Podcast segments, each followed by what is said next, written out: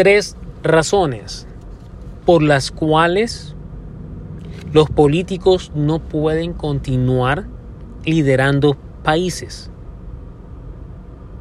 ¿Y por qué no? Dejarlos en manos de líderes empresariales. Acompáñame en este episodio. Soy Freddy Guevara, tu host de The Freddy Guevara Talks Podcast. Aquí va la primera razón. Número uno, no administran bien los recursos de un país. El caso que estamos viendo a nivel mundial, no solamente en los Estados Unidos, sino también en Europa, es de que los políticos no saben administrar los recursos de un país. De tal forma que ningún líder empresarial, al menos un buen líder empresarial, nunca va a tener como proveedor a una sola compañía de sus recursos o de sus insumos para sus operaciones. No lo va a tener. Sin embargo, estamos viendo que los políticos, tanto en Europa como en Estados Unidos, dependen de un solo proveedor para un insumo vital para la sobrevivencia y las operaciones de un país. Eso en manos de un líder empresarial no puede pasar jamás. Y no hay ningún político que haya administrado bien los recursos de una nación, porque no se trata de política ni tampoco de, asistencia social, ni que tienes que saber manejar la diplomacia de una gran manera. No, un país se maneja a través de la economía, de los mercados, del dinero. Entonces los políticos han demostrado que no saben administrar los recursos, tanto naturales, tecnológicos, capitales o recursos financieros de un país. Demostrado. Número dos, los políticos no saben crear ventajas competitivas. Estados Unidos hace mucho tiempo dejó de ser de uno de los países más competitivos de acuerdo al Index de Competitividad Global publicado por el Foro Económico Mundial. Hace mucho tiempo dejó de estar en los primeros puestos, en las primeras posiciones, como uno de los países más competitivos. Y así puedo hablar de otros países de Latinoamérica que ni siquiera están dentro de los 10 primeros países más competitivos del mundo. Eso quiere decir que los políticos no tienen o el conocimiento o las habilidades para desarrollar ventajas competitivas en sus países, o al menos en diferentes industrias.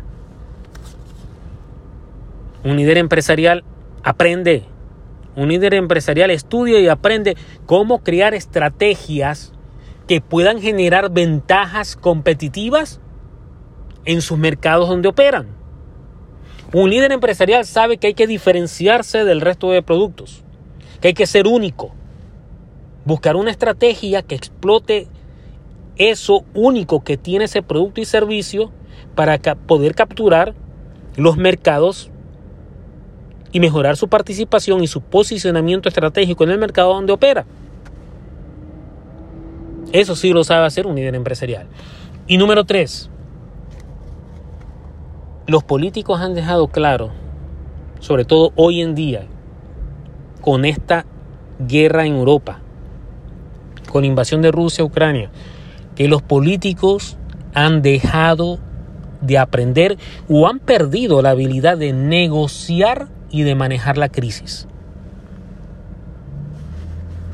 No hay político que haya negociado una paz o haya negociado en forma diplomática o comercial y haber evitado esta invasión de Rusia a Ucrania. Y hoy mismo no hay ningún político que pueda decirse de que está manejando o tiene un plan para manejar la crisis social, geopolítica y económica que se viene encima. No hay un plan de manejo de crisis. Por el contrario, un líder empresarial sabe cómo hacer negociaciones comerciales, sabe cómo negociar, sabe de estrategias y tácticas para negociar y adquirir o ganar o hacer ganar a todas las partes involucradas en una negociación. Aparte, un líder empresarial sabe, al menos aprende a cómo manejar riesgos, a cómo manejar crisis de una forma estratégica. Sí, no es que vaya a resolver la crisis, pero va a saber cómo manejar esa crisis de tal forma que podamos recibir el menos impacto negativo que podamos. Esa es la diferencia entre un líder político y un líder empresarial. Con esto no quiero decir que, bueno, que los líderes empresariales sean los que estén al frente de las naciones. Pero basado en esas tres razones, en esos tres argumentos, yo sí creo que los líderes empresariales deberían de involucrarse un poco más en el mundo de la política. Porque al final del día, todo se mide en términos económicos, en términos comerciales.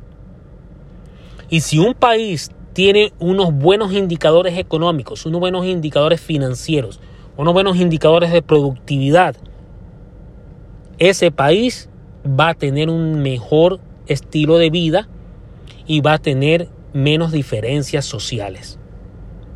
Así que, ¿qué te parece? Como que es hora de pensar un poquito y abrirle las puertas a los líderes empresariales para que incursionen de lleno en el mundo de la política. Déjame tu comentario. Hasta la próxima.